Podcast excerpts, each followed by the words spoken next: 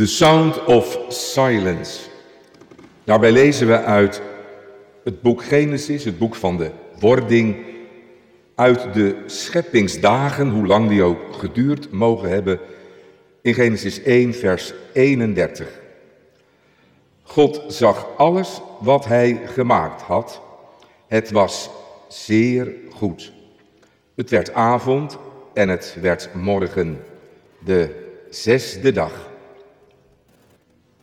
En dan vervolgen we bij het tweede scheppingsverhaal in Genesis 2.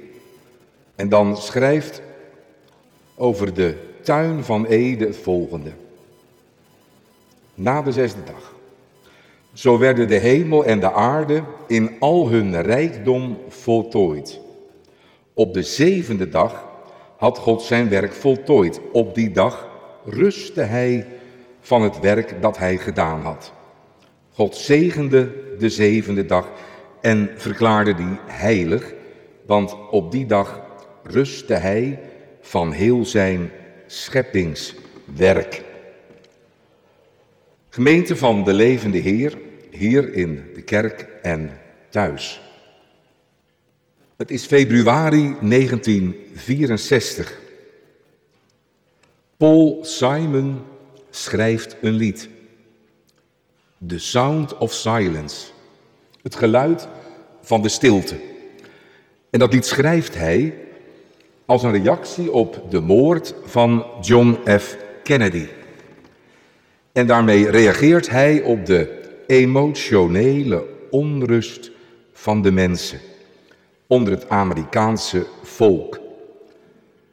Wat kan het moeilijk zijn om het diepste van je binnenste bloot te geven, laat staan te vertolken. Weet je dat de stilte een stem heeft? Weet je dat niets zeggen ook iets zeggen is?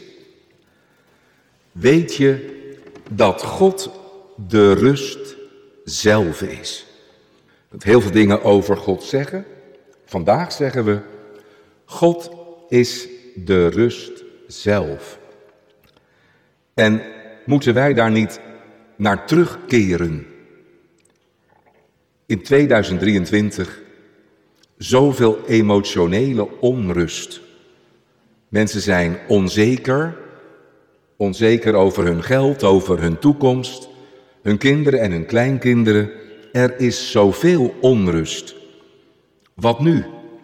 Laten we teruggaan naar het paradijs, hoe het allemaal begon. Daar was het goed. Geen seconde onzekerheid, geen moment onrust. De rust in Adam en in Eva, de volmaakte liefde, de stilte van de schepping. Wat kun je daarnaar verlangen? Dat God de rust zelf is. Is dat niet een heel goed uitgangspunt? Als God nu rust van zijn werk, wat zullen wij dan wel?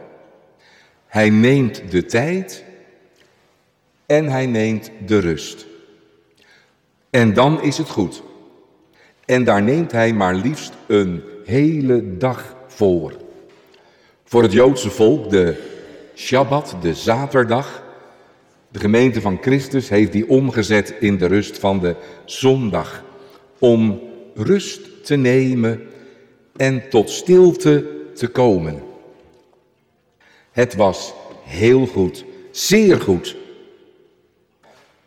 Maar dat is lang geleden. En wij leven niet meer in de tuin van Ede, de volmaakte rust, de stilte die spreekt. Wij leven in een gebroken wereld, in de drukte van Europa, in de hectiek van de stad, de randstad om ons heen. Waar vind ik rust? Die rust vraagt om een beweging, om een omkeer. De Bijbel noemt dat bekering.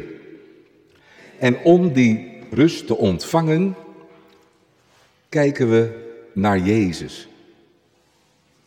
Jezus heeft veel gesproken. Preken, wonderen, zaligsprekingen. Maar Jezus heeft ook gezwegen. Hij zweeg toen ze hem beschuldigden. Spreekt u niet één woord? Jezus zweeg. Hij gaf het over aan hem die rechtvaardig oordeelt, zijn Vader in de hemel.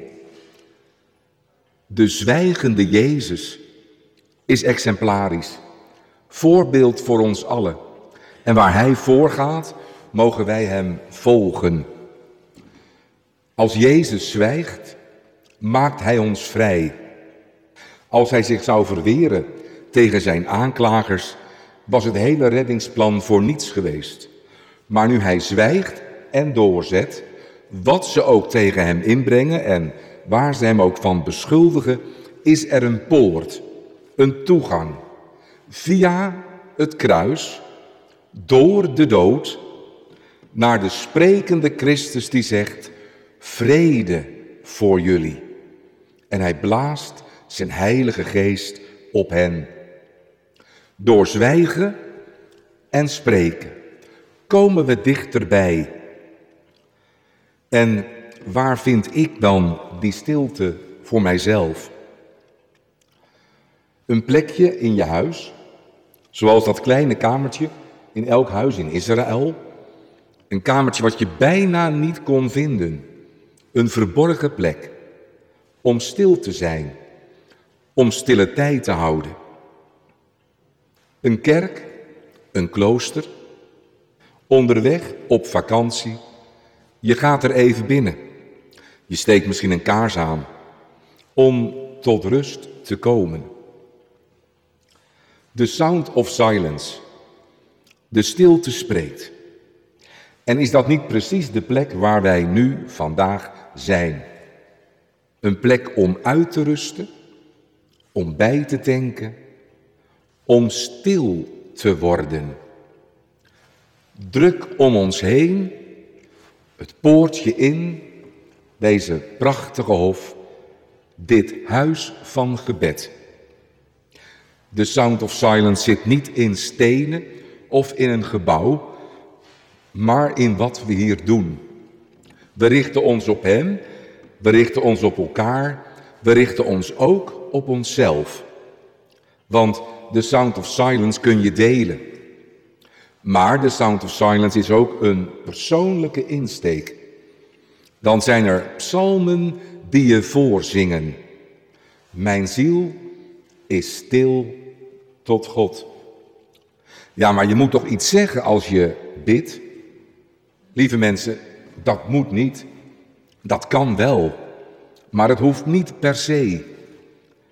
Misschien hebben we als christenen en als kerk wel te veel met woorden gegooid en gemorst met bijbelteksten. Misschien past ons bescheidenheid en voorzichtigheid. En in alles zeker wel duidelijkheid. God is de rust zelf. De zwijgende Christus baant de weg. En ik mag volgen. Dat er een rust, een harmonie, een vrede in mijn binnenste is. Vrede met God door Jezus Christus. En als dat te veel woorden zijn, de stilte van mijn hart. Stille omgang, vertrouwelijke omgang, Gods verborgen omgang vinden. Ja, zoiets. En als jij tot rust komt, kun je verder. Ben je een zegen voor jezelf, maar ook voor anderen. Want rust werkt aanstekelijk.